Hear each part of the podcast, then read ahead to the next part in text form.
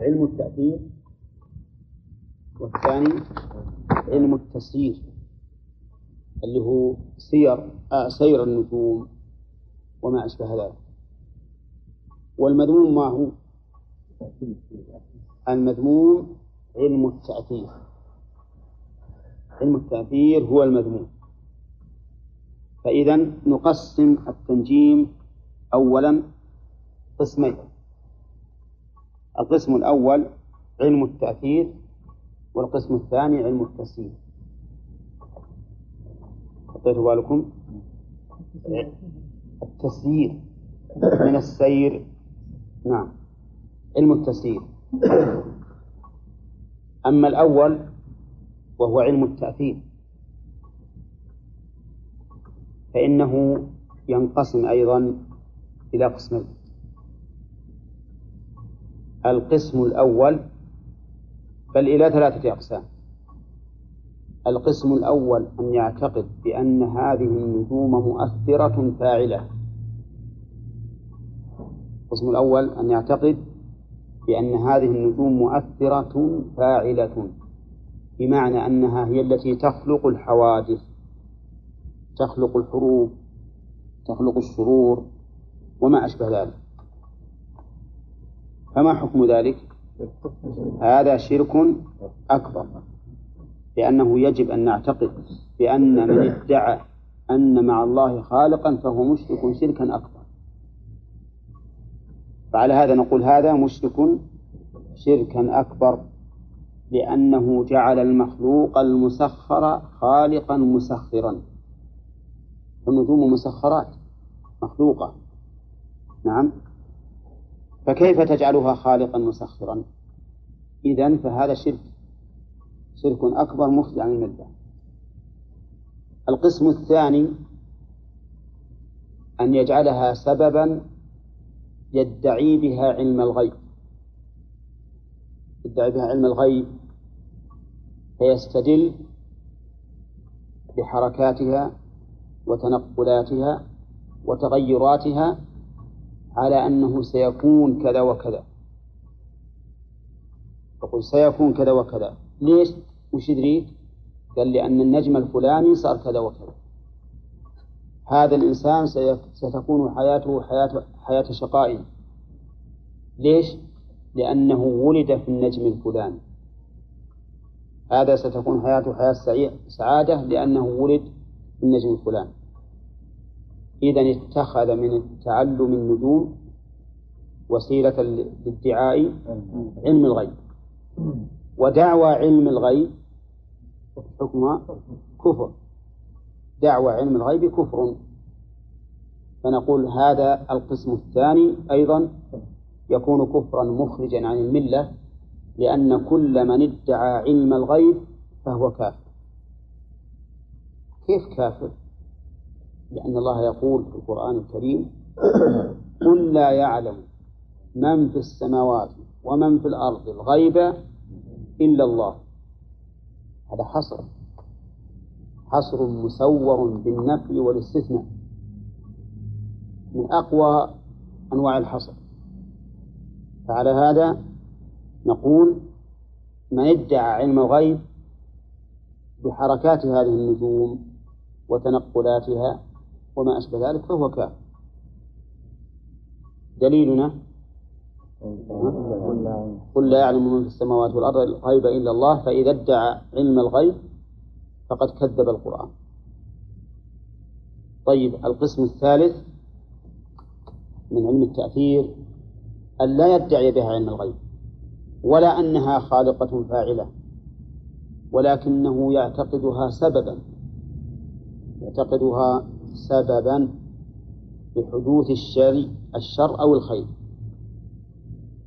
فهذا مشرك شركا أصغر. ويقول أنا ما أدعي علم الغيب لكن لما حدث هذا الشيء قلت بأنه من النجم الفلاني. وبالكم يعني هذا ما يد ما ينسب الشيء إلى إلى النجوم إلا بعد بعد وقوعه. ولا يقول إنها هي الفاعلة المؤثرة لكن يقول إنها سبب. فنقول هذا من باب الشرك الأصغر إذ لا علم لك بهذا الشرك. ولا نعلم أن الله تعالى جعل سبب هذه الأشياء جعل هذه الأشياء سببا لحدوث شر. فإن قال قائل هذا القسم الأخير ينتقض عليكم بما ثبت عن النبي صلى الله عليه وسلم في قوله في الكسوف. إن الشمس والقمر آيتان من آيات الله يخوف الله بهما عباده. يخوف الله بهما عباده. فمعنى ذلك أنهما علامة إنذار. علامة إنذار. فما هو الجواب عن ذلك؟ الجواب عن ذلك أن ما ثبت أن له أثرا نعم فعلى العين والرأس. نحن لا نقول إلا ما علمنا. ثم إن النبي عليه الصلاة والسلام لم يقل إنهما إن لهما تأثيرا في نزول العقوبة وإنما قال إنهما إنذار وتخويف. إنذار وتخويف. والإنذار والتخويف ليس معناه أن العقوبة ستقع بسبب الكسوف لكن ستقع بسبب المعاصي وهذا من باب إيش؟ من باب الإنذار من باب الإنذار. ولهذا قال يخوف الله بهما عباده ولم يقل يعاقب الله بهما عباده مثلا. تخويف. وعلى هذا فلا يرد عليه. فالجواب إذن من وجهين. أولا أننا لا نسلم أن للكسوف تأثيرا في في العقوبات والحوادث من الجد والحرب وغير ذلك. ما له تأثير. ولقد قال النبي عليه الصلاة والسلام إنهما لا ينكسفان لموت أحد ولا لحياته لا فيما مضى ولا في المستقبل. وإنما يخوف الله بهما العباد تخويفا لعلهم يرجعون. هذا واحد. الوجه الثاني لو سلمنا أن لهما تأثيرا فإن النص قد دل على ذلك وما دل عليه النص فإنه يجب القول به. لكن الوجه الأول هو الأقرب. أننا لا نسلم أصلا أنه لهما تأثيرا في هذا لأن الحديث لا يقتضي. الحديث إيش يقول؟ يخوف الله بهما عباده. أي نعم. نعم. قال الرسول إن الله يقول أصبح مؤمن بي وكافر نعم. ما يجعل أنه كفر شركا أكبر. لا. هذا تقدم لنا أنه إن اعتقد إن اعتقد أنه إن لها تأثيرا في نزول المطر بنفسها فهذا كفر أكبر. وإن اعتقده سبب فهو كفر أصغر لأنه أضاف النعمة إلى إلى سببها دون المسبب. لا الإطلاق يحمل على التفصيل ما دلت عليه النصوص. نعم.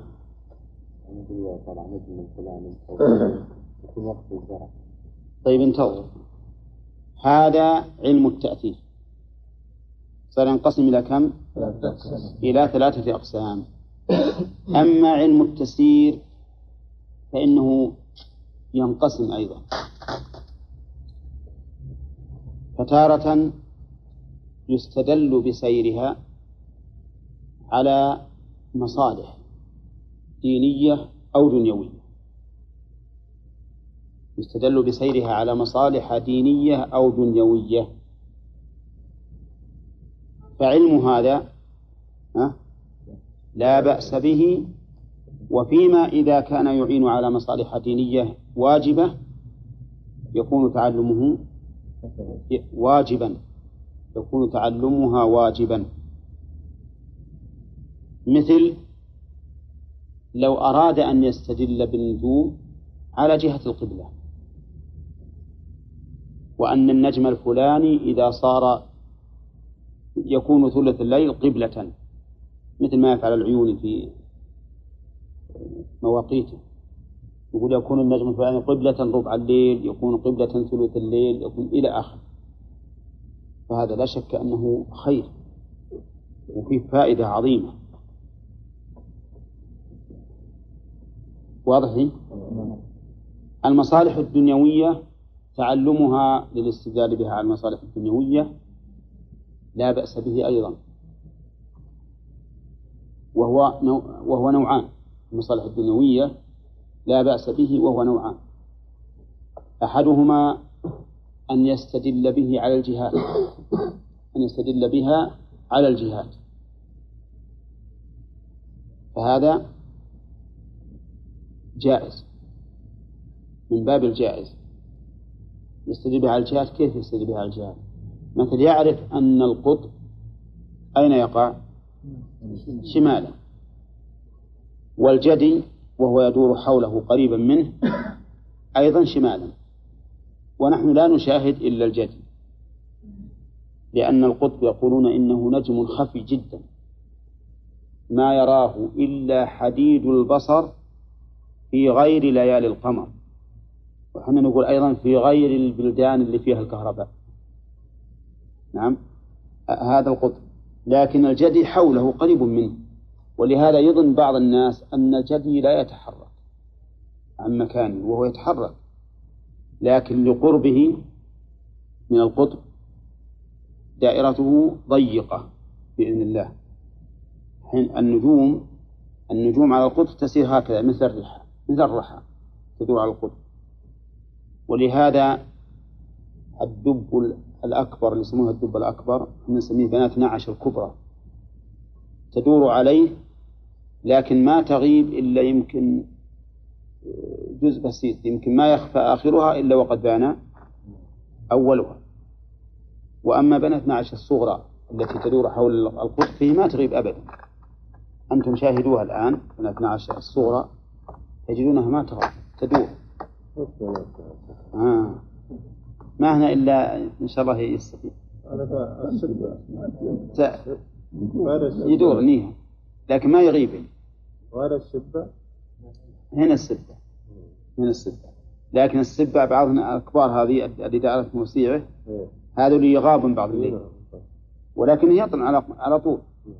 والثنات الصغار هذول هذول ما يغابون. يدور ولا يغاب. شوف هنا أول ليل تجيهم مثلا حسب عدد الفصول. جنوب في أول الليل تلقاه في آخر الليل شمال. وفي طرف بنات نعش الصغرى نجمان مضيئان يسميان الفرقدين. نعم. يقول الحريري في ملحته وفرقد السماء لن يفترقا. يضربهم المثل في عدم التفارق المهم الاستدلال بسيرها على الجهات نعم؟ يطلع بنا إن شاء الله غانم ليلة. تعرفين؟ عشان تعلمنا به إن شاء الله نطلع نطلع ليله الليالي إذا صار ما فيها قمرة. نعم. فأقول هذا لا بأس به. لا بأس به في المصالح الدنيوية. الاستدلال بها على الجهاد. لقوله تعالى وعلامات وبالنجم هم يهتدون. الثاني الاستدلال بها على الفصول. الاستدلال بها على الفصول مو على الجهاد. وهو ما يعرف بتعلم منازل القمر. فهذا كرهه بعض السلف وأباحه آخرون بعض السلف وأباحه آخرون والذين كرهوه قالوا لأنه يخشى إذا قيل هذا النجم الفلاني إذا طلع فهو وقت الشتاء. يخشى أن يظن العامة أنه يأتي بالبرد. أنه, يأتي أنه هو اللي يأتي بالبرد. وهو اللي يأتي بالحر. وما أشبه ذلك. فمن أجل هذا كرهه بعض السلف. كره تعلمه بعض السلف. والصحيح أنه لا يكره كما سيأتي إن شاء الله تعالى. اضبط هذا التقسيمات إن شاء الله.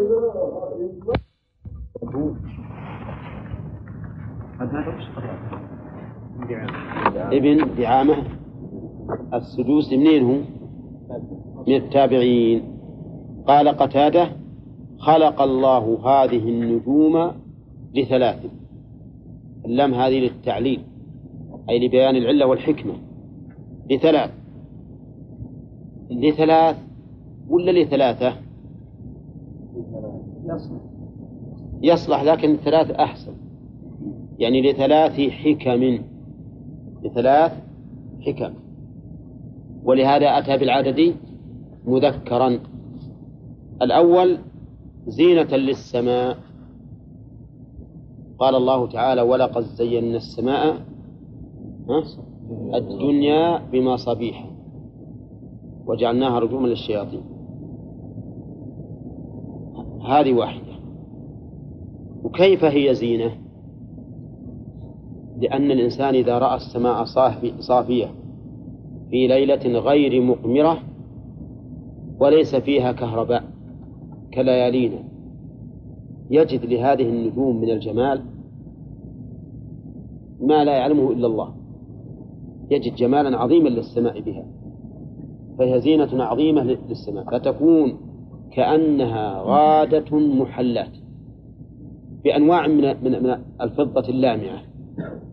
هذه نجمة مضيئة كبيرة تميل إلى الحمرة وهذه تميل إلى الزرقة وهذه خفية وهذه متوسطة وهذه تجد ترتعش ارتعاشا قويا وهذه ترتعش ارتعاشا خفيفا. وهذه ساكنة هذا شيء مشاهد. نعم. هذه زينة عظيمة للسماء. نعم. وإذا قد قدر لأحدكم أن يسافر ويكون في منطقة ما فيها شيء من الأنوار ولا فيها قمر في ليلة ليس فيها قمر سيجد هذه الزينة. هذه واحدة. طيب. هل نقول إن ظاهر الآية الكريمة أن النجوم مرصعة في السماء؟ أو أو نقول إنه لا لا يستلزم ذلك. نقول إنه لا يستلزم لأن الله يقول وسخر لكم الليل والنهار والشمس والقمر والنجوم مسخرات بأمره وقال في آية أخرى كل في فلك يسبحون. يعني يدورون. كل له فلك. ولهذا أنا شاهدت بعيني أن القمر خسف نجمة من النجوم. وش معنى خسفها؟ يعني غطاها. شاهدتها أظن قبل عامين في رمضان في آخر رمضان. نعم. وهي من النجوم اللامعة الكبيرة. كان يقرب حولها في آخر الشهر ثم بإذن الله عند قرب الفجر غطاها مرة. بدأنا ما, ما نراها. طيب إذا هي في أفلاك متفاوتة في الارتفاع والنزول. ولا يلزم أن تكون مرصعة في السماء. فإذا قال قائل كيف يقول الله زينة آه، زينا السماء الدنيا. قلنا لا يلزم من تزيين الشيء بالشيء أن يكون ملاصقا له. أرأيت لو أن رجلا عمر قصرا وجعل حوله ثريات من النجوم من الكهرباء. كثيرة وجميلة وهي حول القصر وليست على جدرانه. فالناظر إلى القصر من بعيد يرى أن هذه هذه الثريات زينة أن هذه زينة له وأنه تجمل بها وإن لم تكن مرصعة حوله. أنا ذكرت ذلك وإن كان قد يقال إنه من فضول الكلام. أخشى في يوم من الأيام أن يثبت لدى الناس أنهم وصلوا إلى شيء من هذه النفوس. ثم يبقى الإنسان في حيرة. كيف يصلون إليها وهي مرصعة في السماء؟ مع أن السماء ما استطاع أشرف الملائكة وأشرف الإنس محمد وجبريل عليهم الصلاة والسلام أن يلج إلى هذا السماء إلا باستئذان إلا باستئذان. والله عز وجل يقول وجعلنا السماء سقفا محفوظا. فلهذا الإنسان يستعد لأمثال هؤلاء الذين يأتون بمثل هذه العلوم ليشككوا المسلمين فيما استقر في فطرهم وعقولهم مما جاء به دينه ثانيا رجوما للشياطين. الشياطين هنا شياطين الجن. وليسوا شياطين الإنس. شياطين الإنس ما وصلوها. لكن شياطين الجن يصلونها. لأن شياطين الجن أقدر من شياطين الإنس. ها؟ قال الله تعالى عن عملهم والشياطين كل بناء وغواص. لمن؟ لسليمان. وآخرين مقررين في الأصفاد إلى آخره. وقال عفريت من الجن. لسليمان أنا آتيك به قبل أن تقوم من مقامك منين؟ من سبأ إلى الشام. قبل أن تقوم مقامك وهو عرش عظيم. عرش ملكة سبأ. يأتيه قبل أن يقوم من مقامه. نعم. وش يدل عليه؟ قوتهم وسرعتهم ونفوذهم. وحدثنا أحد الأساتذة هنا عندنا في الكلية. عن جماعة من الأندونيسيين يدرسون في كلية الدعوة. يقول عندنا في اندونيسيا في إندونيسيا يستخدمون الجن. بدون أن يشركوا أو يعصوا الله في الوصول إلى استخدامه. حتى إن بعضهم قد فتح ورشة ما يعمل فيها إلا الجن. نعم. قلنا كيف هذا؟ قال نعم. يحضر المواد يحضر المواد ويتكلم معهم اصنعوا كذا اصنعوا كذا يبدون يصنعون وما يشافون. نعم. لا مؤمنين. مؤمنين. ويقول إنهم مؤمنين ويذكرون الله.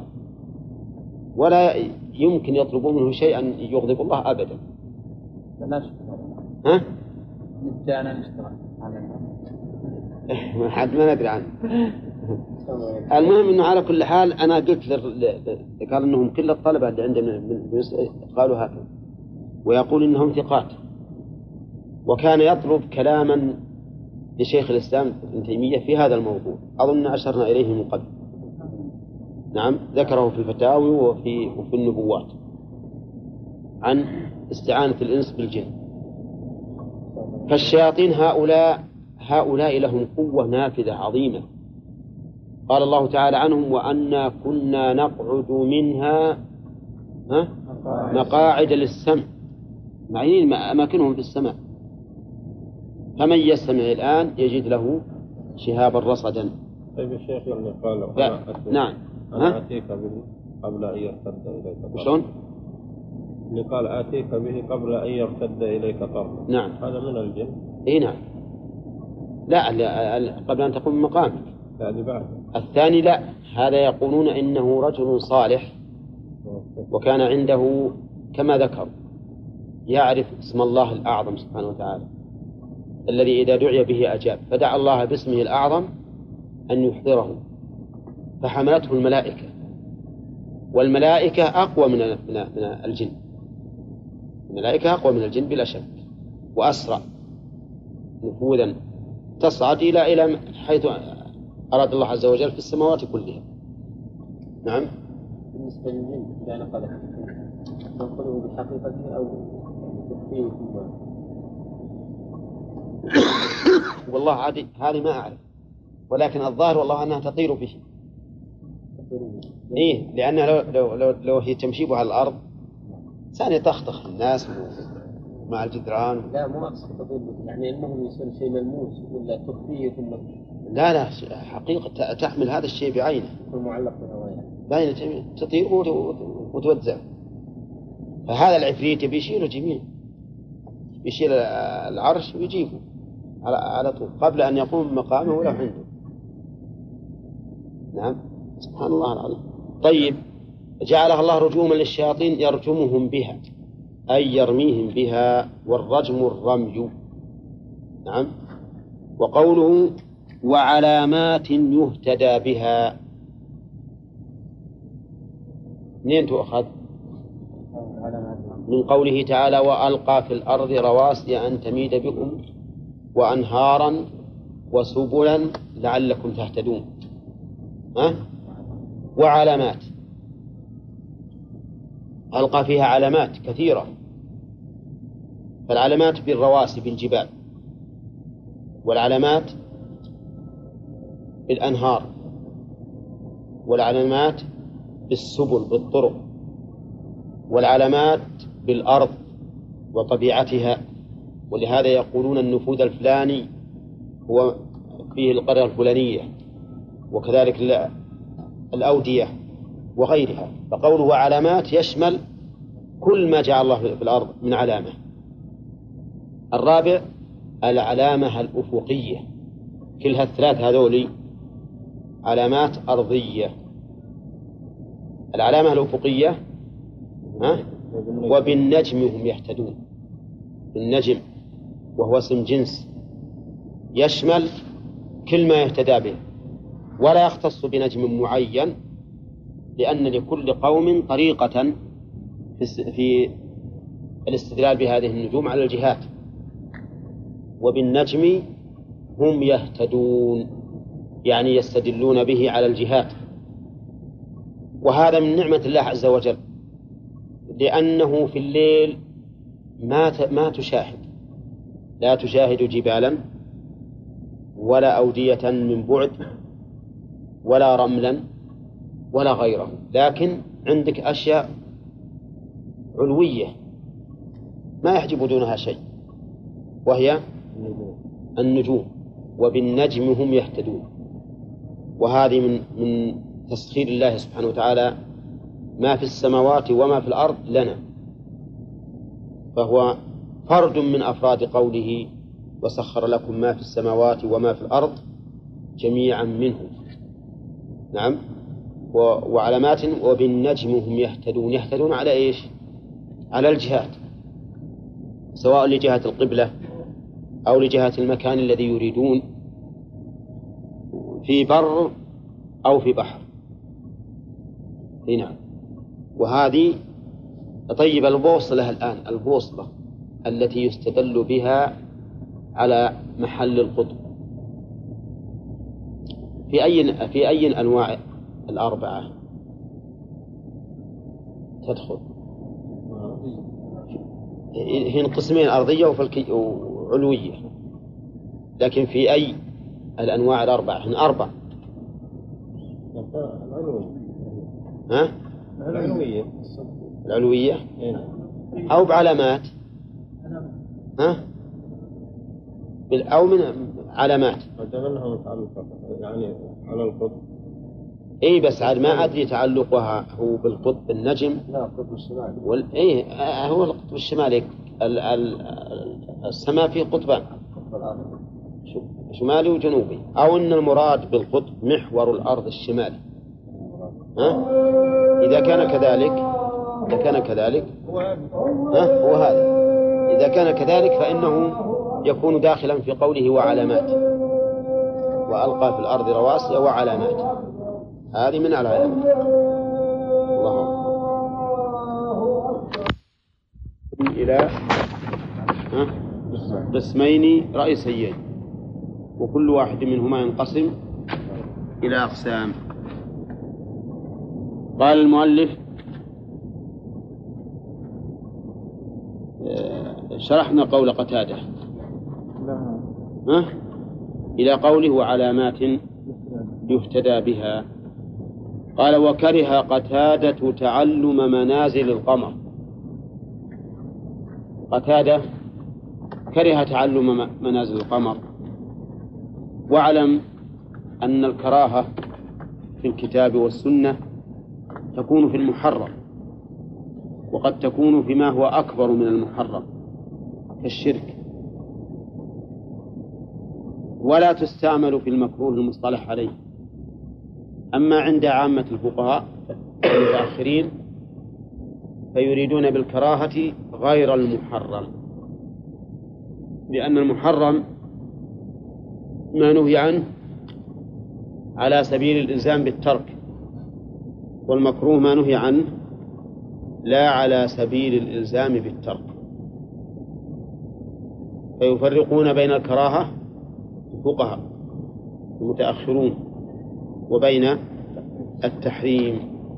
أما في القرآن والسنة وما جاء عن السلف فالكراهة عندهم بمعنى التحريم. قال الله سبحانه وتعالى وقضى ربك ألا تعبدوا إلا إياه وبالوالدين إحسانا. ثم ذكر منهيات كثيرة ثم قال كل ذلك كان سيئه عند ربك مكروها. نعم. ها. كل ما جاء في كتاب السنة بالكراهة المراد بالتحريم. نعم. قول الرسول. نعم. وكره لكم فيه وقال إي نعم. هذا حرام. إي نعم. فأما ما يذكره الفقهاء فإنه للتنزيه كراهة التنزيه. قال وكره قتادة تعلم منازل القمر. وهذه كراهة التحريم بناء على القاعدة المعروفة عند أهل العلم أن الكراهة في عرف المتقدمين ليش؟ للتحريم وتعلم منازل القمر. يحتمل أنه معرفة منزلة القمر الليلة. يكون في الشرطين يكون في الزبانة يكون في الإكليل يكون في كذا منزلته. ويحتمل أنه تعلم منازل النجوم يعني يخرج النجم الفلاني في اليوم الفلاني. ومعلوم عند العامة أن هذه النجوم جعل الله جعلها الله تعالى أوقاتا للفصول لأنها ثمانية وعشرون نجما أربعة عشر منها يمنية وأربعة عشر شمالية. فإذا حلت الشمس في المنازل الشمالية صار الحر وإذا حلت في الجنوبية صار البرد ولذلك من علامة دنو البرد خروج السيل وهو من النجوم اليمانية النجوم اليمانية. فقتادة كره تعلم منازل القمر. قلت إنه يحتمل أن المراد بذلك إيش؟ معرفة منازل القمر كل ليلة لأن القمر ينزل كل ليلة منزلة. حتى يتم 28 في التاسع والعشرين وفي الثلاثين يكون مستسر مستسرا. يعني معناه أنه لا يظهر لا يظهر في الغالب. قال ورخ ولم يرخص فيه ابن عيينة. من هو ابن عيينة؟ سفيان بن عيينة هذا الإمام المشهور معروف. ما رخص في تعلمها وهذا يوافق قول قتادة في كراهتها. ولكن نعم ذكره حرب عنهما. حرب هو صاحب الإمام أحمد. وقد روى عنه مسائل كثيرة طبعت أخيرا. ورخص في تعلم المنازل أحمد وإسحاق. أحمد بن حنبل وإسحاق ابن راهويه. ويقال راهوية.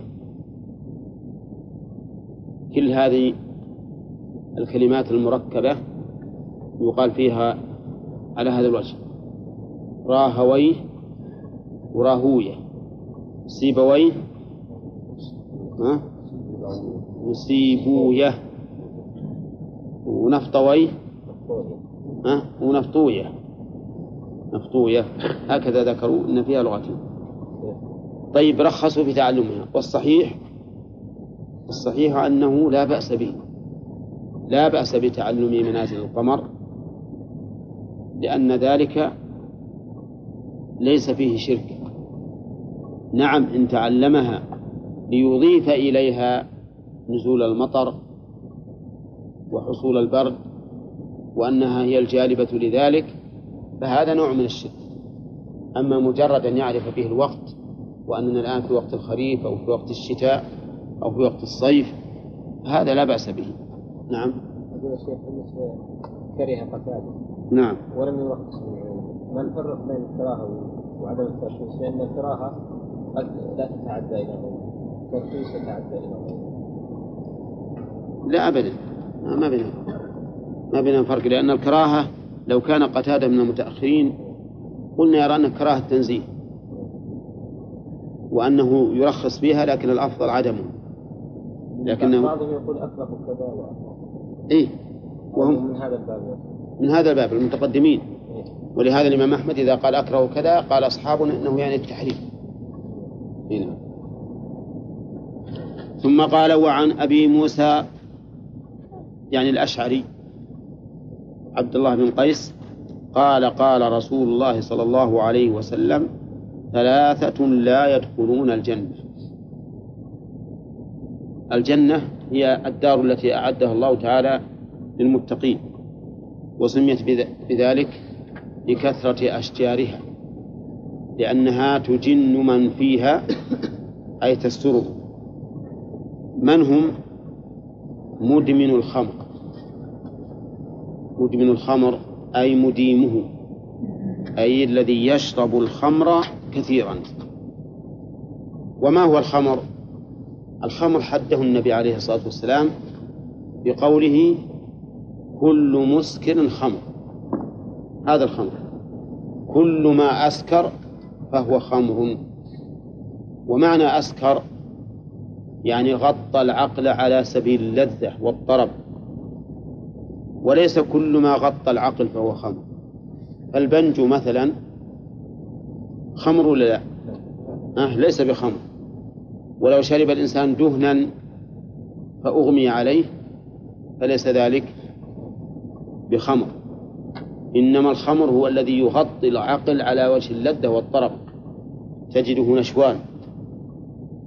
يحس بأنه في منزلة عالية رفيعة وأبهة وعظمة وملك وسيادة وما أشبه ذلك.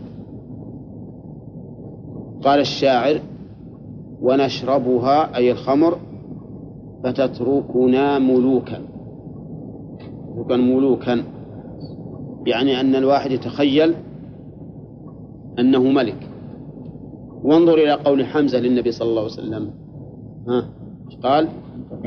هل أنتم إلا عبيد أبي تخيل أنه وين سيد.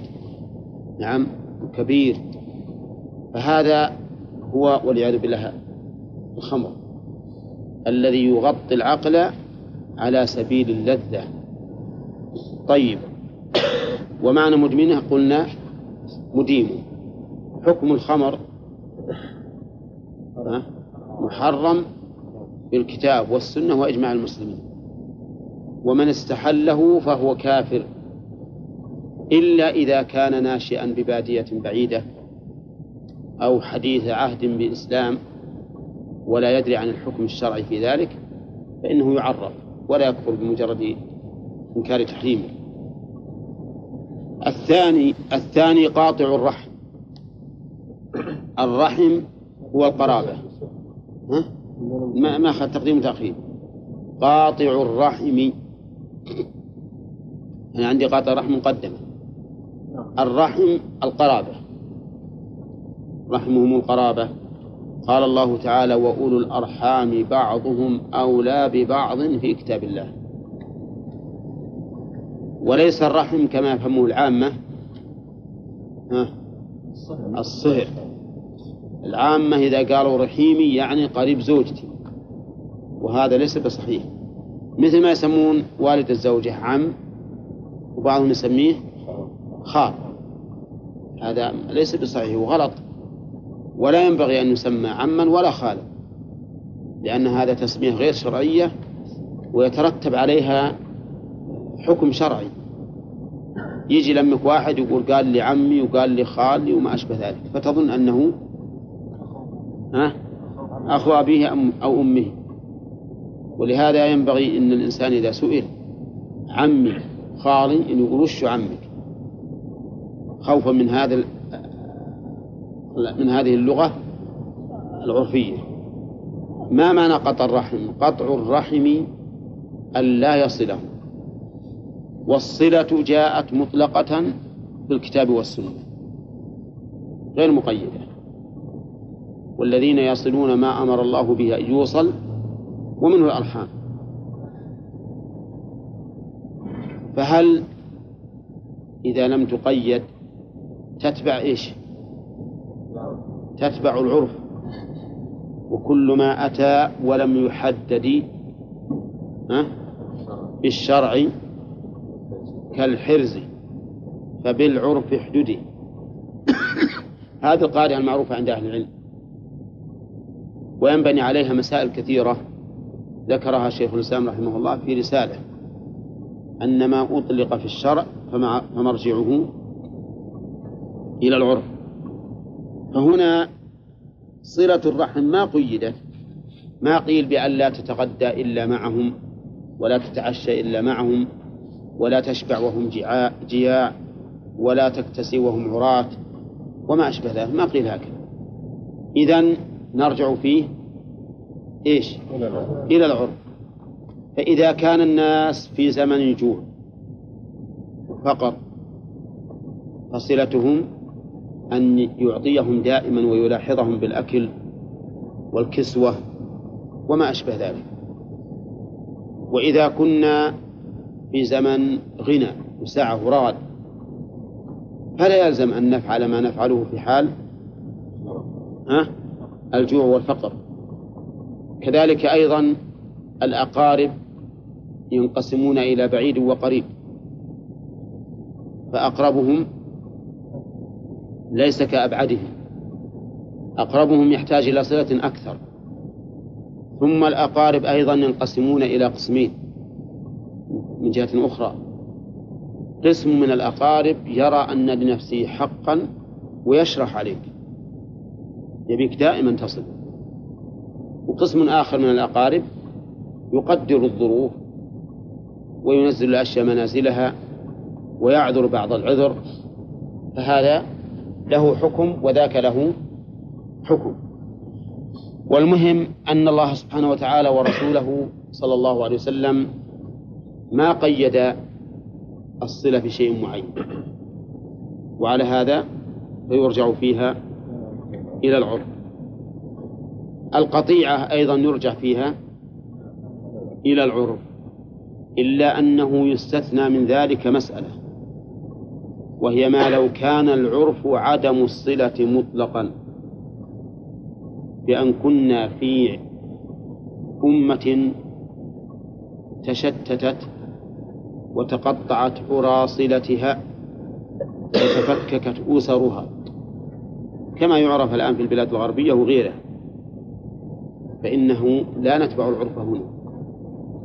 لماذا؟ لأنه ليس في العرف صلة إطلاقا. فلا نقول لما كان العرف لا يعرف الصلة ما عاد انقطع حكم الصلة بل نقول لا بد من صلة. فإذا كان هناك صلة معروفة في العرف اتبعناها وإذا لم يكن صلة أصلا فلا يمكن أن نعطل هذه الشريعة التي أمر الله بها ورسوله فلا بد أن أن نصل ثم أعلم أيضا أن صلة الرحم ليس معناه أن تصل من وصلك. لماذا؟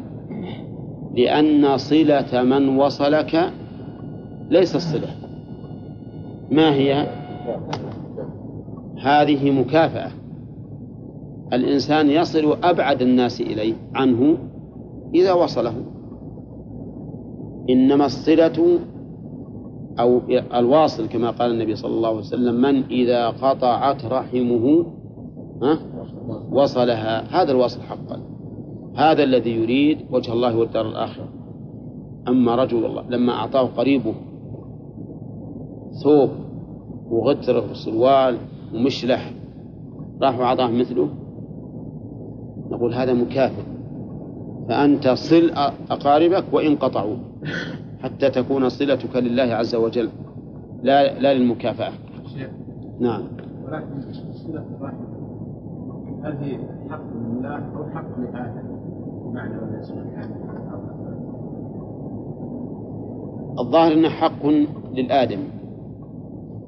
لأن حق للآدم أكثر ها؟ يعذر القريب يقول أي حق. أي نعم نعم. هي حق لله. أمر الله بها لحق الإنسان. أمر الله بها لحق الإنسان.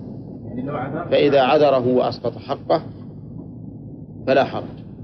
لكن ينبغي مع ذلك أن يصل لأنه قد يعذره حياء وما أشبه ذلك يصل ولو بعض الشيء. قال ومصدق بالسحر. المؤلف رحمه الله ساق هذا الحديث في باب التنجيم لأنه يرى أن المراد بالسحر هنا نوع منه وهو التنجيم لأنه سبق لنا من اقتبس شعبة من النجوم فقد اقتبس شعبة من السحر زاد ما زاد. وسبق الحديث وبيان صحته. وعلى هذا فالمؤلف رحمه الله حمل السحر هنا على إيش؟ على التنجيم. والمصدق به هو المصدق بما يخبر به المنجمون. المصدق بما يخبر به المنجمون. فإذا قال المنجم إنه سيكون كذا وكذا صدق. فهذا لا يدخل الجنة. لأنه صدق بعلم الغيب في غير الله عز وجل لغير الله. صدق بعلم الغيب لغير الله. وقد قال الله تعالى قل لا يعلم من في السماوات والأرض الغيب إلا الله. ولكن لو قال لنا قائل اجعلوا السحر هنا عاما يشمل التنجيم وغير التنجيم. يشمل التنجيم وغيره. نعم. قلنا إذا جعلناه عاما فما معنى المصدق بالسحر؟ هل المعنى المصدق بما يخبر به السحرة من أمور الغيب؟ نعم. نقول نعم. وهذا معنى صحيح. وأما المصدق بأن للسحر تأثيرا فهذا لا لا يلحقه هذا الوعيد. لأن السحر لا شك أنه لا أن له تأثيرا لكنه تأثير في التخيل. التخيل ولا يقلب الأشياء. فمثلا قد يسحر الإنسان أعين الناس فيرون الحصى ذئابا. أولى يمكن؟ يمكن. مثل ما مثل ما سحر سحرة فرعون الناس حتى رأوا الحبال والعصية كأنها حيات تسعى. وقد يسحر أعين الناس فيشاهدونه يطير في الهواء وهو لا يطير. نعم. نصدق بهذا التأثير. نصدق بهذا التأثير لأن هذا أمر واقع. أن نشاهد هذا وإن كان لا حقيقة له ولكننا أثر على أعيننا. ويسحر الساحر شخصا فيجعل في قلبه مودة فلان أو بغض فلان. يؤثر ولا لا؟ ها؟ يؤثر. قال الله تعالى فيتعلمون منهما ما يفرقون به بين المرء وزوجه. هذا التصديق بأثر السحر على هذا الوجه هذا لا يدخل في الوعيد لأنه تصديق بأمر ها؟ واقع. والتصديق بالأمر الواقع ما فيه وعيد نعم من صدق بأن السحر يؤثر في قلب الأعيان بحيث يجعل الذهب خشبا أو الخشب ذهبا أو ما أشبه ذلك فإن هذا لا شك أنه يدخل في هذا الوعيد. السبب؟ لأن قلب الأعيان لا يقدر عليه إلا الله عز وجل. ما يقدر عليه إلا الله. فعلى هذا لا يجوز التصديق به. فصار مصدق بالسحر لنا فيها وجهان. الوجه الأول أن نذهب إلى ما إلى ظاهر ما ذهب إليه المؤلف. وهو ها؟ أن نجعل السحر خاصا في نوع.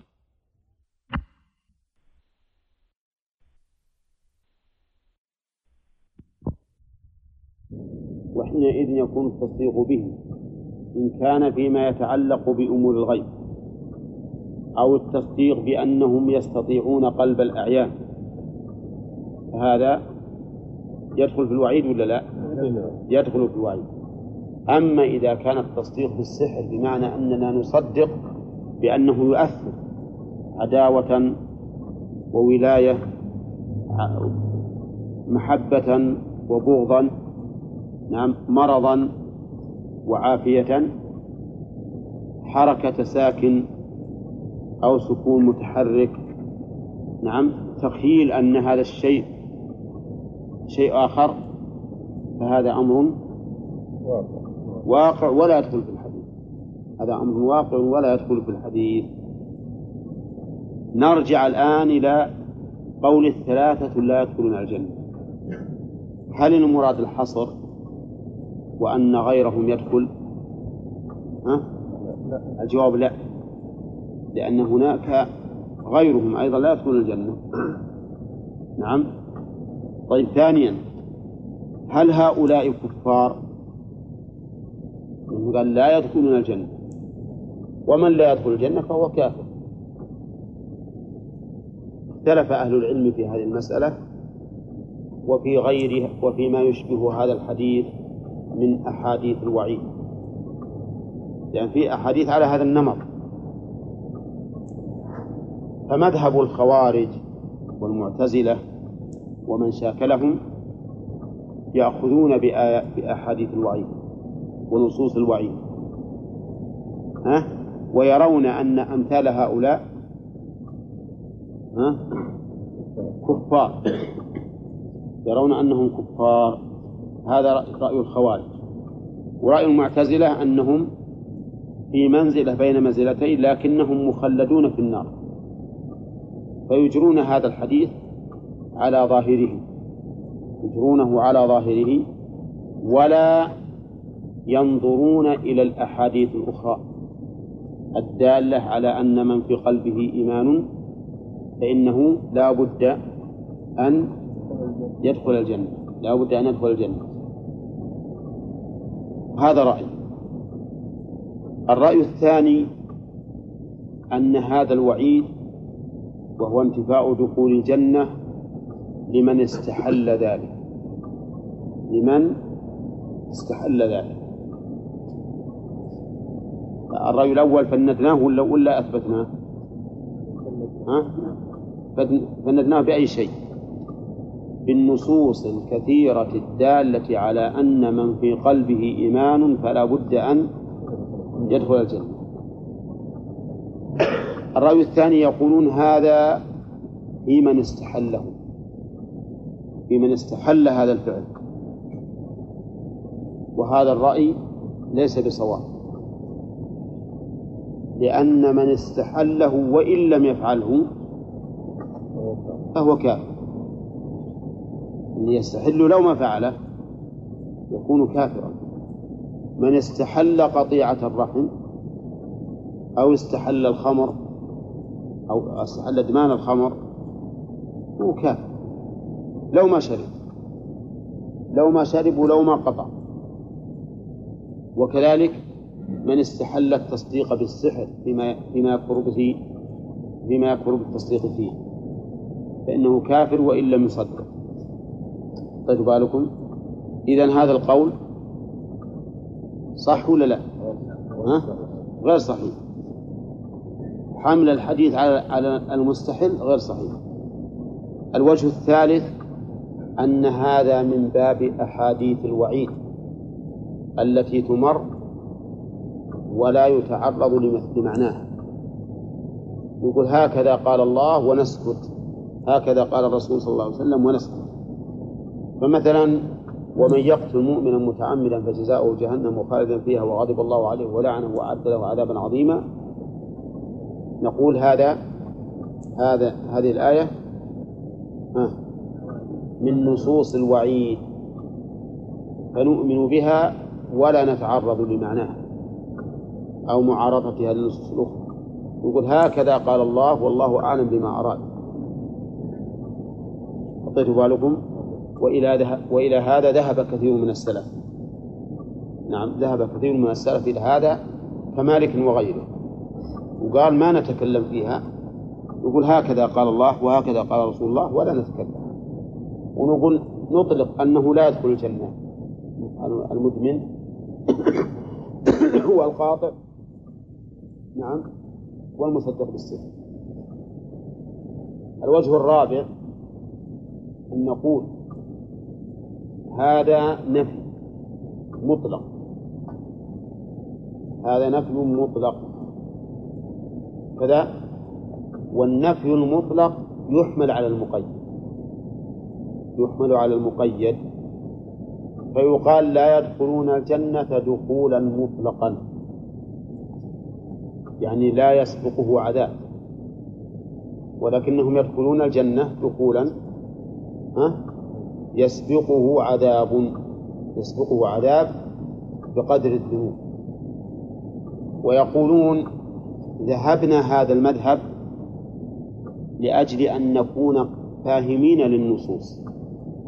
ما نمرها هكذا ولا نتعرض بل نتعرض ونقول إن النصوص الشرع يصدق بعضها بعضا يصدق بعضها بعضا ويلائم بعضها بعضا.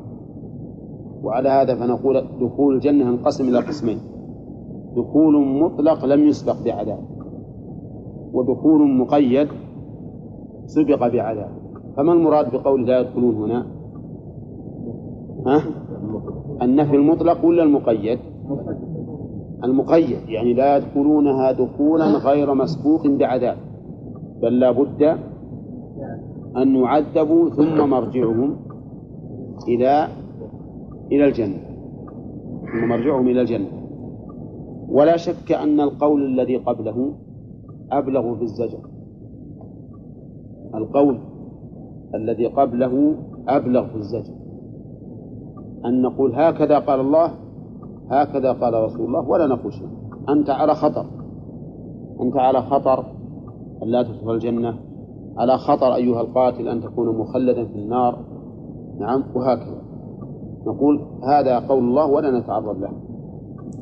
والقول الأخير أقعد يعني أقرب إلى القواعد وأبين وأوضح حتى لا تبقى دلالة النصوص مجملة هكذا فتقيد النصوص بعضها ببعض.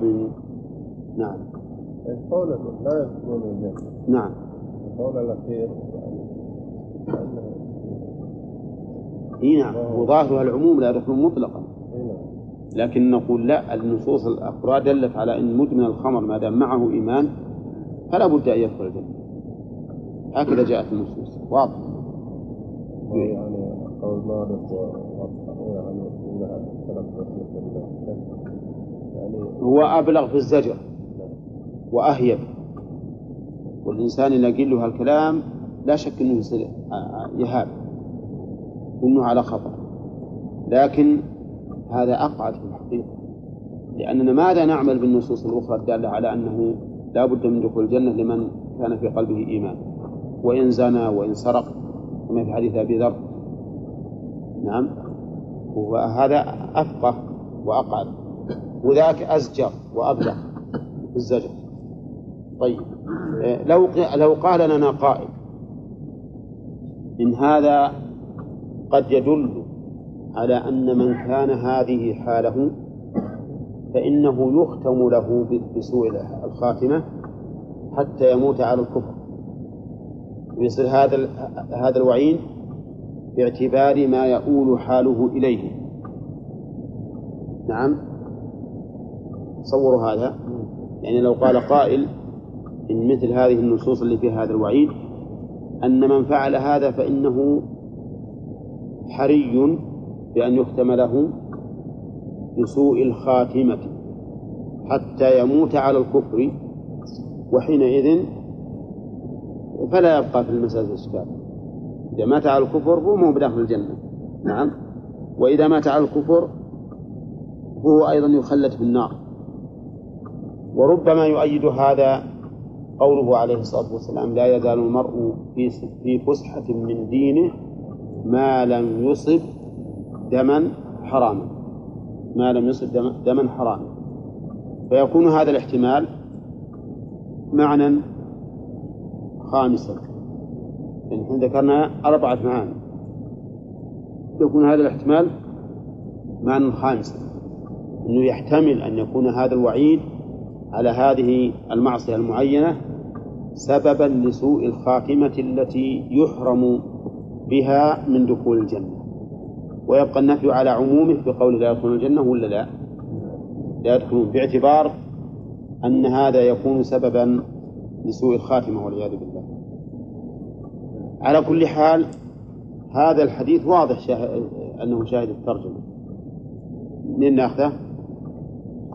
من قوله ومصدق بالسحر فإننا إن فسرنا السحر بعلم النجوم فالأمر ظاهر. وإن قلنا هو عام فإن علم النجوم ها؟ داخل فيه نعم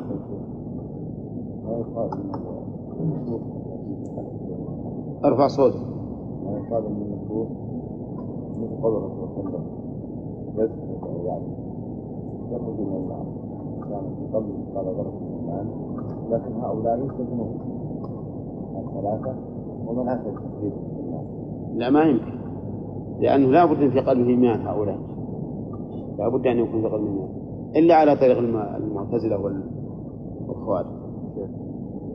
إذا قلنا بأن الدخول مراد في الدخول مطلق ألسنا نقول هذا في جميع المعاصي إلا. حتى في الصلاة. لا. الصلاة ما ورد فيها مثل هذا. ورد فيها كفر. نعم لكن قصد ما يدخل دخولا مطلقا لابد يسبق على أي اللي جت في الصلاة؟ فجميع المعاصي. كل مثلا ما ما ورد فيها مثل هذه. اللي ورد فيها مثل هذه. نعم. وهو ما يخرج من الإيمان بهذا الفعل. نعم. يقال فيها هذا هذا هذا القول. إذا يكون الحصر يذكرون. دائما الحصر يكون على حصر. حتى فيه ثلاثة لا يدخلون الجنة غير هذا. وثلاثة لا يكلمهم الله. حتى في غير الوالد مثلا. نعم. لا نقول الشيء هذا بأنهم يدخلون لا لا. ال- ال- ال- المعاصي اللي ما رتب عليها دخول النار بذاتها ما نقطع بأنه يكون يدخل النار لأنها تكون غالبا من الصغائر والصغائر مكفرة بالحسنات إيه. لكن هي لا يا شيخ يقول لو صار لو ما يصلي لو صار ما أشرك ما يخلد في النار. لا يخلد لا. الكافر مخلد في النار لا شك فيه. وعدة الكافرين. الآية وحديث جابر أيضا بين الرجل وبين الكفر والشرك ترك الصلاة. في مسلم وجعل ترك الصلاة من الشرك. لأنه مو معنى الشرك أنك تسجد لصنم ما هو بهذا. حتى تحليل ما حرم الله وتحليل ما أحل الله من الشرك كما هو معروف. يعني لو يترك الصلاة يعني بس ما هذا هذا يكفي. هذا اللي إحنا نقرره ونؤكد عليه. معروف يعني ما الشرك.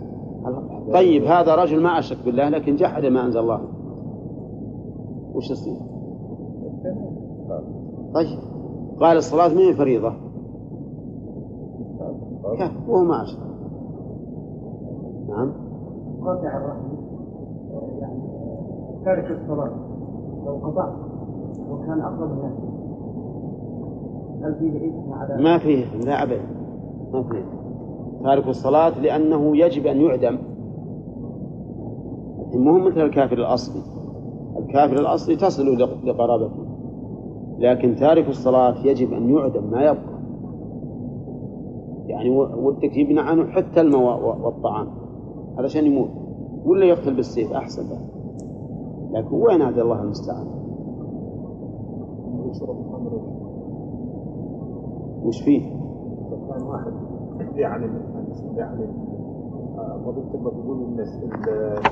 الحكمة في خلق النجوم. وش الحكمة؟ ثلاث زينة للسماء ورجوما للشياطين وعلامات يهتدى بها. طيب. ترى هذا ما نعلمه منه. ما نعلمه منه. ويجوز إن هنا هناك أشياء ما, ما نعرفها. إنما التنجيم الذي يستدلون به على الحوادث الأرضية هذا لا شك إنه كذب. الثانية الرد على من زعم غير ذلك. منين ناخذه؟ من قول قتادة. ومن توأل فيها غير ذلك أخطأ. وأضاع نصيبه وتكلف ما لا علم له به. نعم. الثالثة ذكر خلاف في تعلم المنازل. والصحيح؟ جوازه الرابع الوعيد. في من صدق بشيء من السحر ولو عرف أنه باطل. هنا بشيء. من التنجيم أو غيره. ولو عرف أنه باطل. إذا صدق به كيف يصدق به وهو يعرف أنه باطل؟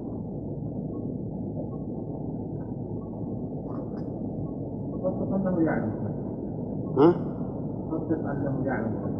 طيب وهو يعلم أنه باطل؟ ها؟ أقول لك بضرورة بضرورة إليه وحاجة لكن يصدق وهو يعلم أنه باطل. محتاج وش معنى يصدق؟ أما ما هو معنى يصدق يستعمله؟ لو كان يستعمله يستعمل نعم نقول ولو وكان عنه باطل. الظاهر أن الشيخ رحمه الله نعم. هو يعني إذا رأى تأثيره كيف يقول أنه باطل؟ الظاهر المراد الشيخ رحمه الله أنه إذا صدق ولو بلسانه. إذا صدق ولو بلسانه فعليه الوعيد. حتى لو قال. لو كان يعتقد في قلبه أنه باطل لكن صدق به بلسانه فإنه عليه هذا الوعيد. وذلك لأنه يؤدي إلى إغراء الناس به وبتعلمه. نعم؟ و... و... نعم. وبممارسته. ثم قال باب ما جاء في الاستسقاء بالأنواع. الاستسقاء طلب السقيا. الاستسقاء طلب السقيا. أولى مثل ما يقال الاستغفار طلب المغفرة والاستعانة طلب المعون والاستعاذة طلب العون. والاستهداء طلب الهداية لأن هذه المادة استفعل تدل في الغالب على الطلب وقد لا تدل على الطلب قد تدل على المبالغة في الفعل مثل استكبر. استكبر مو معنى طلب الكبر بل المعنى أنه بلغ في الكبر غايته. طيب الاستسقاء بالأنواع إن أن تطلب. من الأنواع أن تسقيه تطلب من الأنواع أن تسقيه وهذا الاستسقاء بالأنواع ينقسم إلى قسمين. قسم يكون شركا أكبر. وذلك بأن يدعو الأنواع بالسقيا. فيقول يا نوء كذا أغثنا. أسقنا وما أشبه ذلك. فهذا إيش؟ شرك أكبر لأنه دعاء غير الله. ودعاء غير الله من الشرك الأكبر. قال الله تعالى ومن يدع من مع الله إلها آخر لا برهان له به فإنما حسابه عند ربه إنه لا يفلح الكافرون. جعله الله تعالى كافرا. وقال تعالى وأن المساجد لله فلا تدعوا مع الله أحدا. وقال تعالى ولا تدع من دون الله ما لا ينفعك ولا يضرك فإن فعلت فإنك إذا من الظالمين. إلى غير ذلك من الآيات الكثيرة الدالة على النهي عن دعاء غير الله وأنه من الشرك. هذا واحد. ثانيا من الاستسقاء بالنواء أن ينسب نزول المطر إليها. لا قلنا أظن التصميم الشرك الأكبر والشرك الأصغر طيب الشرك الأكبر له صورتان. الصورة الأولى أن يدعو من الأنواع أن تسقيه.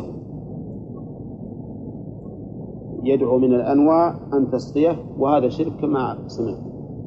الثاني أن ينسب حصول الأمطار. إلى هذه الأنواع على أنها الفاعلة بنفسها بدون الله. لو ما دعاها. لكن قال هي التي تنزل المطر. هي التي تنزل المطر. دون الله. فهذا أيضا شرك أكبر. شرك أكبر في الربوبية. والأول في العبادة المتضمن لشرك الربوبية. الشرك في الربوبية. شرك في العبادة لأن الدعاء من العبادة. متضمن للشرك في الربوبية لأنه ما دعاها إلا وهو يعتقد أنها ها؟ تفعل وتقضي الحاجة هذا القسم هو الشرك الأكبر. وله صورتان كما رأيت. القسم الثاني أن يجعل هذه الأنواع سببا والله تعالى هو الفاعل الخالق. فهذا شرك أصغر وليس شركا أكبر لأنه ما اعتقد أن خالقا مع الله ولا أن خالقا مستقلا بالفعل دون الله. أولى لكنه جعل ما ليس سببا جعله سببا وهذا نوع من الإشراك بالله عز وجل. لأنه لا يحل لك أن تجعل شيئا سببا والله تعالى لم يجعله سببا لا بوحيه ولا بقدره.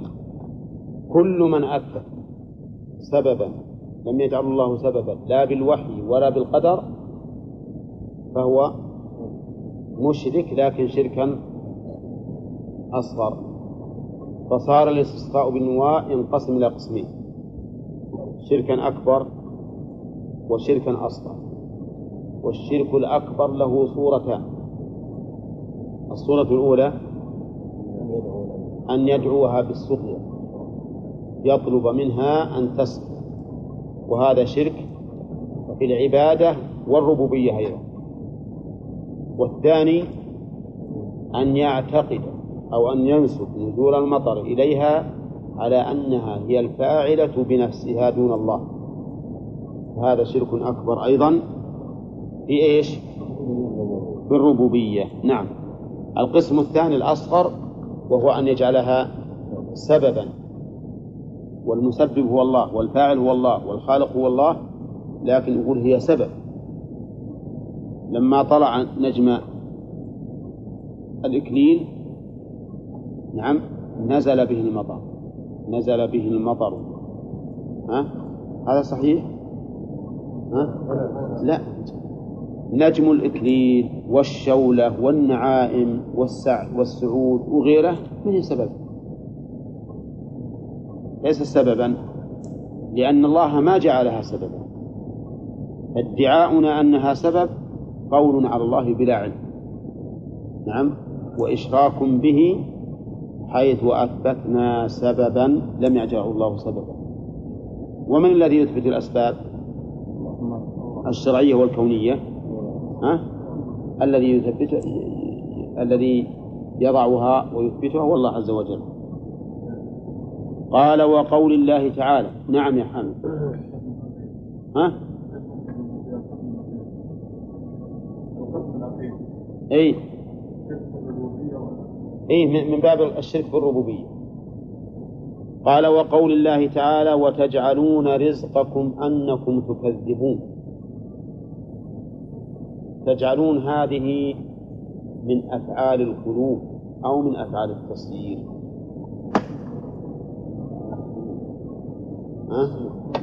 التصدير والأقرع.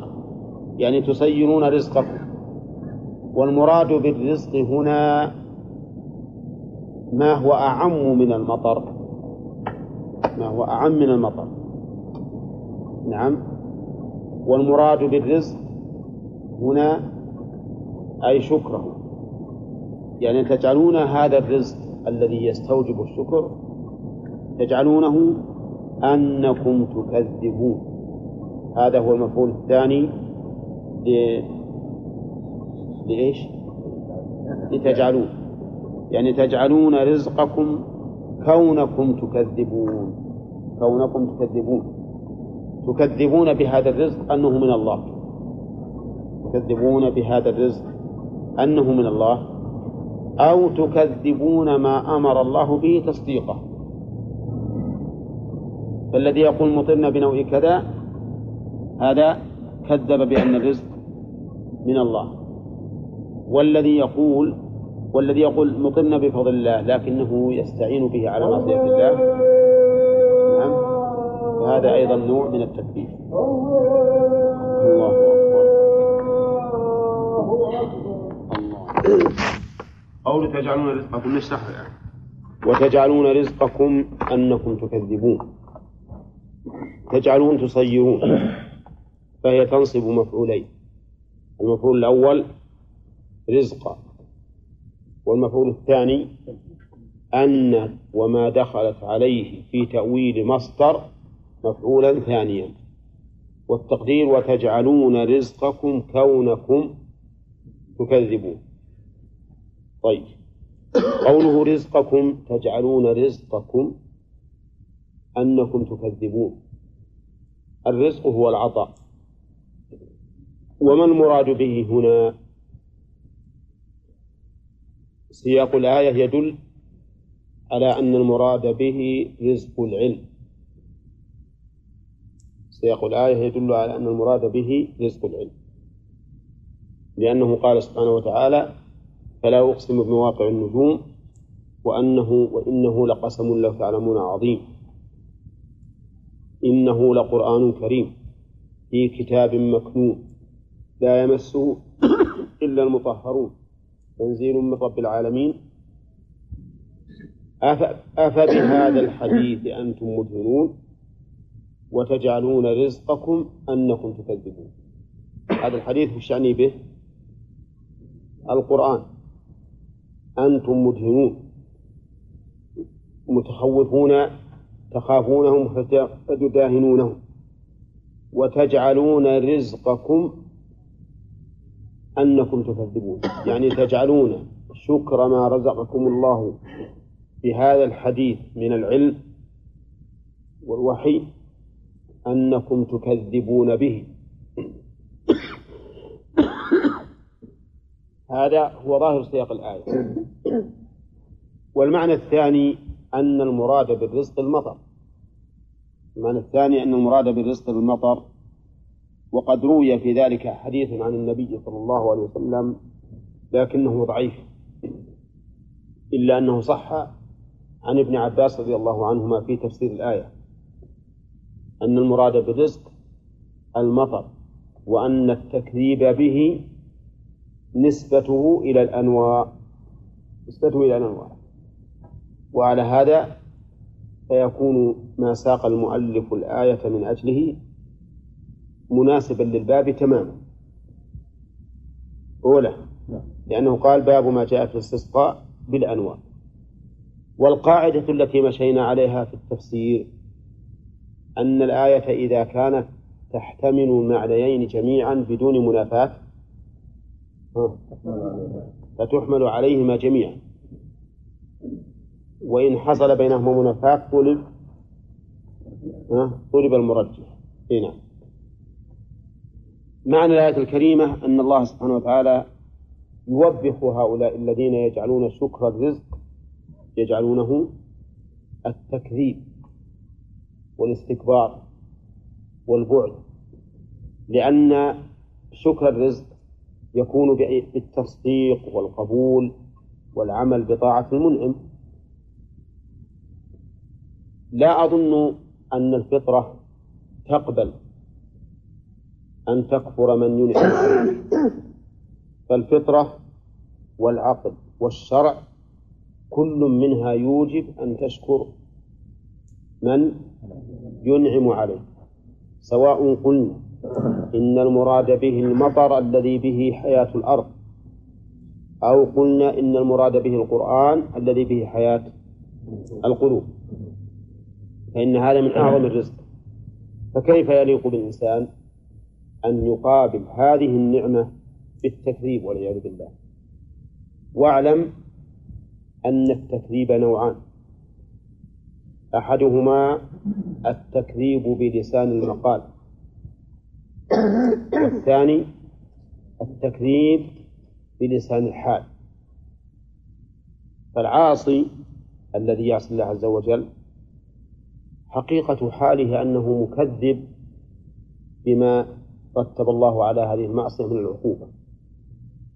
ولهذا وعظ عمر بن عبد العزيز رحمه الله وعظ الناس يوما. وقال لهم أيها الناس إن كنتم مصدقين فأنتم حمقى. وإن كنتم مكذبين فأنتم هلكا صح؟ صحيح. المصدق أحمق كيف يصدق ولا يعمل؟ والمكذب هالك. نعم وهذا صحيح. كل إنسان عاصي نقول له أنت الآن بين أمرين إما مصدق بما رتب على هذه المعصية أو مكذب. فإن كنت مصدقا فأنت أحمق. كيف لا تعمل؟ كيف ما تخاف؟ وإن كنت غير مصدق ها؟ فالبلاء أكبر.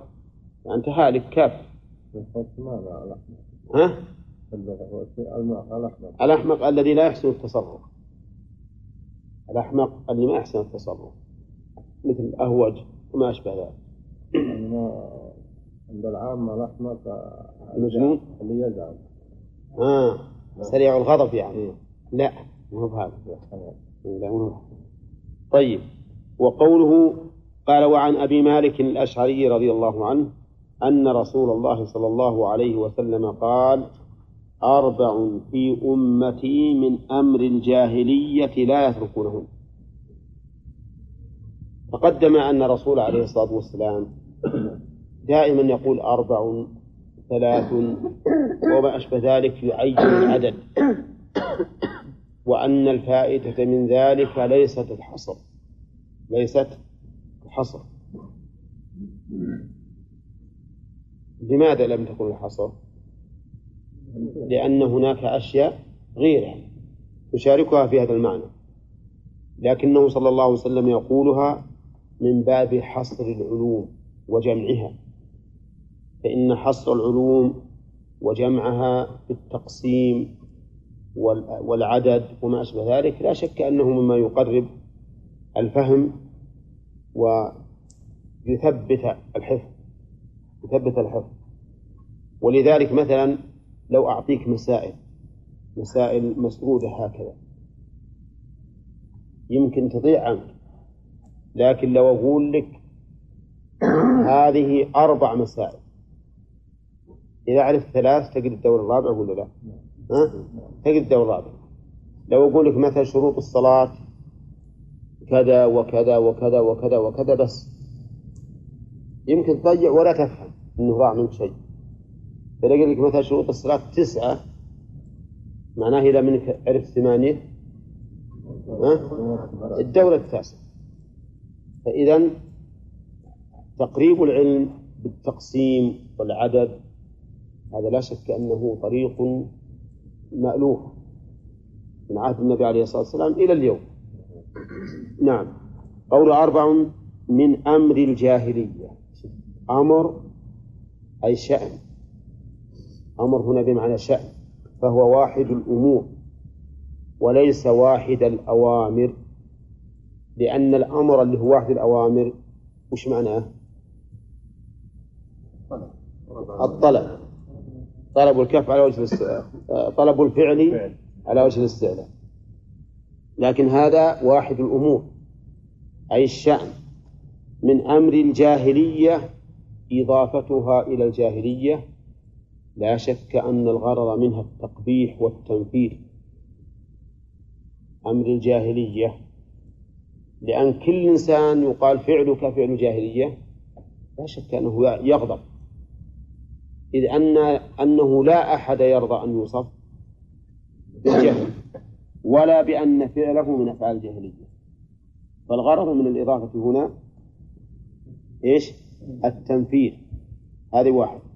ثانيا الغرض من هذا بيان أن هذه الأمور كلها جهل وحمق بالإنسان.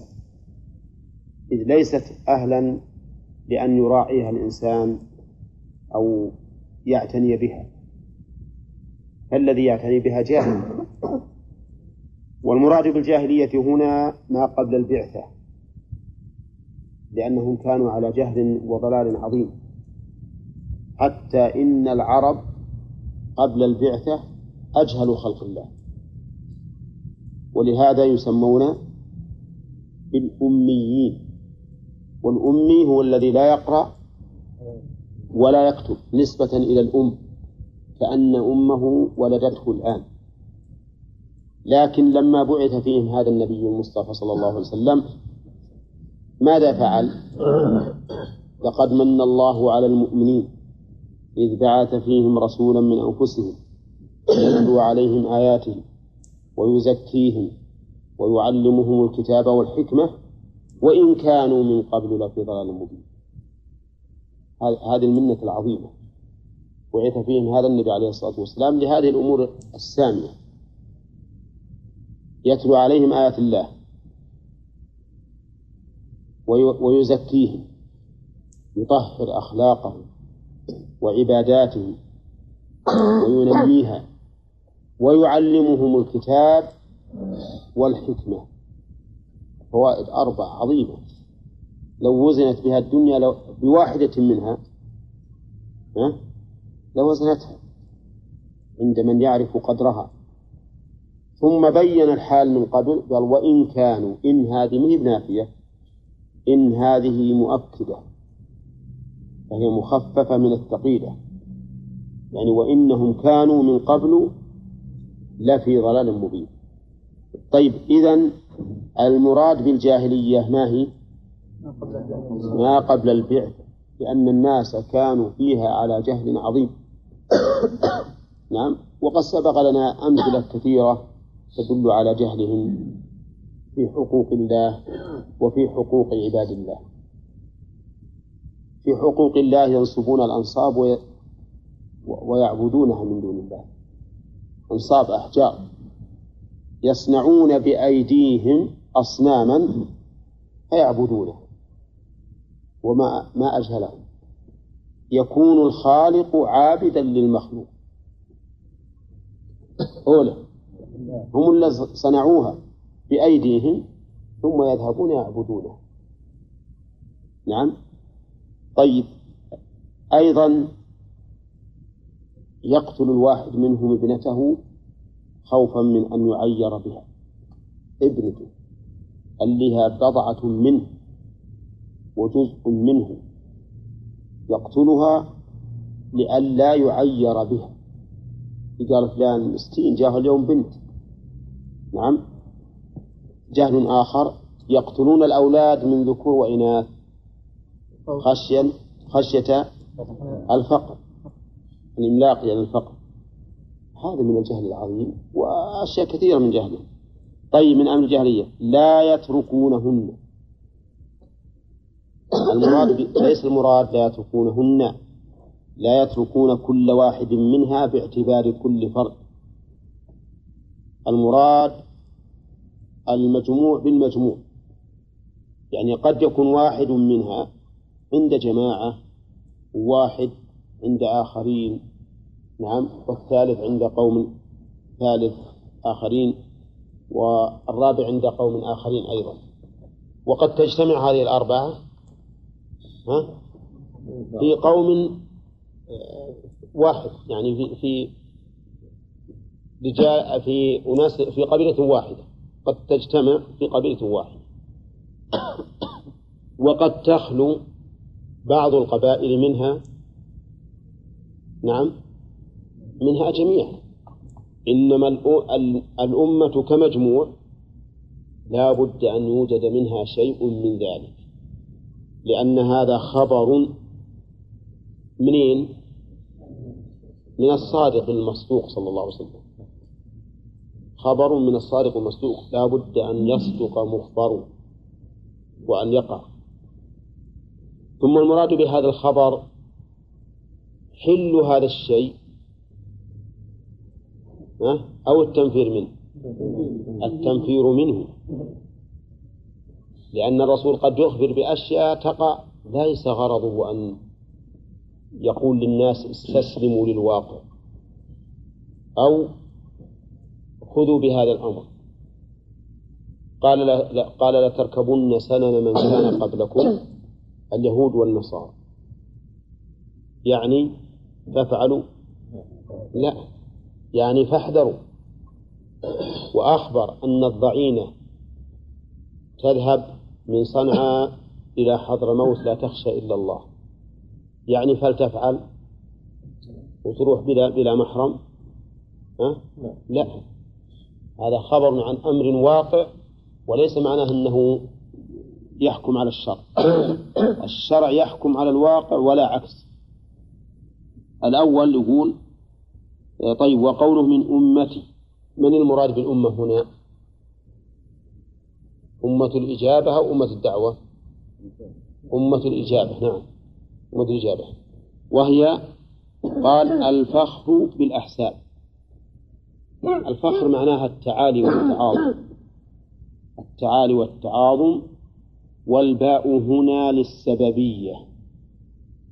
الباء للسببية أو للتعليل. يعني يفخر بسبب الحسب الذي هو عليه. والحسب ما يحتسب به الإنسان من شرف وسؤدد. هذا الحسب. ما يحتسب به الإنسان من شرف وسؤدد يفخر به. يكون مثلا من من بني هاشم. فيفخر بأنه هاشمي لشرف نسبه. يكون أجداده مشهورين بالشجاعة والإقدام. يفخر ولا لا؟ يفخر. لأنه يحتسب بشرف آبائه. يكون آباؤه مشهورين بالكرم. يفخر بذلك. إلى غير هذا مما يحتسب الإنسان من الشرف والسؤدد تجده يفخر به ويتعاظم على خلق الله. وهذا من أمر الجاهلية. لأن الفخر في الحقيقة ليس في هذا. الفخر بتقوى الله التي تمنع الإنسان من التعالي والتعاظم. والإنسان المتقي حقيقة العاقل حقيقة هو الذي كلما ازدادت نعم الله عليه ازداد تواضعا للحق وللخلق. نعم. والله تعالى ما مدح الإنسان الذي يستغني الذي يتعاظم إذا رأى نفسه قد استغنى بل ذمه كلا إن الإنسان ليطغى أن رآه استغنى. إذا الفخر بالحسب من صنع من؟ الجاهلية ولا يجوز لنا أن نفعل فعل الجاهلية. لأن الله يقول لنساء, لنساء الرسول صلى الله عليه وسلم ولا تبرجن تبرج الجاهلية الأولى. فعلم أن كل ما ينسب للجاهلية فهو مذموم منهي عنه. كل ما ينسب للجاهلية فهو مذموم منهي عنه. نعم. قول الرسول النبي لا أي نعم. هذا مثل ما قال أنا سيد ولي آدم ولد آدم ولا فخر. ما قاله يفتخر به أو يقال إنه قاله في مقام الحرب والقتال. ومقام الحرب والقتال لا بأس أن يفتخر به الإنسان ولهذا أجيز فيه مشية الخيلاء وأجيز فيه لباس الحرير عند كثير من أهل العلم نعم ولبس ريش النعام وما أشبه ذلك لأجل إغاظة الأعداء. هنا شيخ نعم. من قول هذا قبيل وهذا قبيل ما هو فخر بالإنسان؟ إذا قالها تفاخرا فلا شك أن هذا خطأ. مثل لو قال واحد أنت بس بيجينا على الطعن بالنسب بيجينا الاثنين قريبة إنما إذا كانت على سبيل التفاخر أما على سبيل الخبر فلا بد من هذا. يقول أنا من تميم وهذا يقول أنا من هوازن وهذا يقول أنا من هذيل وهذا أنا من ربيعة. لا بد أن يقول هذا. لا يقول هذا يزوج هذا خبير آه. مسألة هذا الزواج. شيء آخر. إيه. الزواج شيء آخر. وتقدمت لنا أظن في كتاب النكاح. وبينا أن الكفاءة المعتبرة شرعا هي الدين هي الدين والخلق. هي الدين والخلق هي المعتبرة شرعا. والباقي ما هي إلا عادات فقط. وبينا فيما سبق هناك أن القول بأن الكفاءة في المنصب أنه قول ضعيف. اشتراطه اشتراط صحة النكاح اشتراط ذلك لصحة النكاح قول ضعيف. لكن هذا- مثل هذا ما يدخل فيه الباب ذا ما هو بالظاهر انه يدخل في هذا لأنه هم يقولون على سبيل التفاخر فان كان على سبيل التفاخر قال أنا ما ازوجك لانك اعلى لاني اعلى منك صار دخل في هذا الباب لا يكون بلسان الحال. نعم هو يقول بلسان الحال لا يقول الله اعلم لا هو أحيانا أحيانا يقول هذا بلسان الحال كما قلت يعني لأنه اعلى منه وأحيانا يريد الناس أن يحفظوا أنسابهم. ولهذا دائما يستدل فلان ما هو قبيلي ولا خضري قال لا هذا قبيلي لأنه متزوج من آل فلان. فيكون هذا من أسباب حفظ النسب. والله أعلم على كل حال هي عادة اتخذت وبعض العلماء جعلها من الأمور المعتبرة والصحيح أنها من المعتبرة كما تقدم. هذه واحدة. ثانيا الطعن في الأنساب. الطعن بمعنى العيب. بمعنى العيب. لأن العيب وخز معنوي كوخز الطاعون في الجسد. نعم؟ فلهذا سمي العيب سمي طعنا. والأنساب جمع نسب. هي النسب؟ النسب أصل الإنسان وقرابته. فيطعن في نسبه. نعم. مثل يقول أنت ابن الدباغ. أنت ابن الدباغ. ما يطعن في نسبه. أنت ابن مقطعة البذور. نعم. مقطعة البذور يعني التي يخفي النساء. البذر شيء في في فرج المرأة يقطع في في الختان ختان النساء. ويعيبون الإنسان بأنه إبن مقطعة البذور. والبذور بالضاء المشالة شطة المهم أنه هذا الطعن في النسب. الطعن ومنه أيضا إذا قال أنت وش أنت؟ خضير مالك أصل نعم. ولهذا قيل لبعضهم ما تقول في الخضيرية؟ قال أقول إنهم من احتلام آدم. احتلم آدم فولدوا من احتلامه أعوذ بالله. يعني بعض الناس عندهم غشم غشمية ولا شك أن هذا خطأ. لكن الخضيري هو الذي لا ينتسب إلى قبيلة من قبائل العرب. يكون من الموالي بعد الفتوحات الإسلامية اختلط هؤلاء بهؤلاء. فكان من, من لم يكن مشهورا بقبيلة من قبائل العرب ينتسب إليها يسمونه خضيريا. وخضيري وقبيلي أهون من قولة بعض الناس شيخ وعبد. الشيخ هو القبيلي والعبد الخضير. إي نعم. وعلى كل حال فليطعن بنسب إنسان لأنه ليس من القبائل المعروفة في العرب داخل في هذا الحديث. فلا يجوز الطعن بالنسب. والإنسان لا يشرف بنسبه صحيح أن شرف النسب مع التقوى أنه نور على نور. لكن إذا لم يكن عنده تقوى فماذا ينفعه؟ نسبه. ماذا؟ لا ينفعه شيء. يا أيها الناس إنا خلقناكم من ذكر وأنثى وجعلناكم شعوبا وقبائل. لأي شيء؟ لتفاخروا. لتعارفوا فقط. إن أكرمكم عند الله أتقاكم. إن الله عليم خبير. أما مسألة أنه هذا خضير وهذا قبيل هذا ليس بصحيح. ولا شك أنا ما أقول ولا أنكر أن للنسب أثرا في شرف الإنسان. ولهذا قال النبي عليه الصلاة والسلام إن الله اصطفى إسماعيل واصطفى من بني إسماعيل كنانة واصطفى من كنانة قريشا واصطفى من قريش بني هاشم واصطفاني من بني هاشم. واصطفاني من بني هاشم. ولا شك كما قال شيخ الإسلام إن العرب أفضل من حيث الجنس من غيره. أفضل وأكمل وأعقل. ولهذا اختار الله عز وجل أن يكون الرسول منهم. الرسول منهم. ولكن ليس معنى ذلك أننا نجعل هذا الأمر يطغى على الفضل الحقيقي وهو فضل الإيمان والتقوى. نعم. والطعن بالأنساب الثالث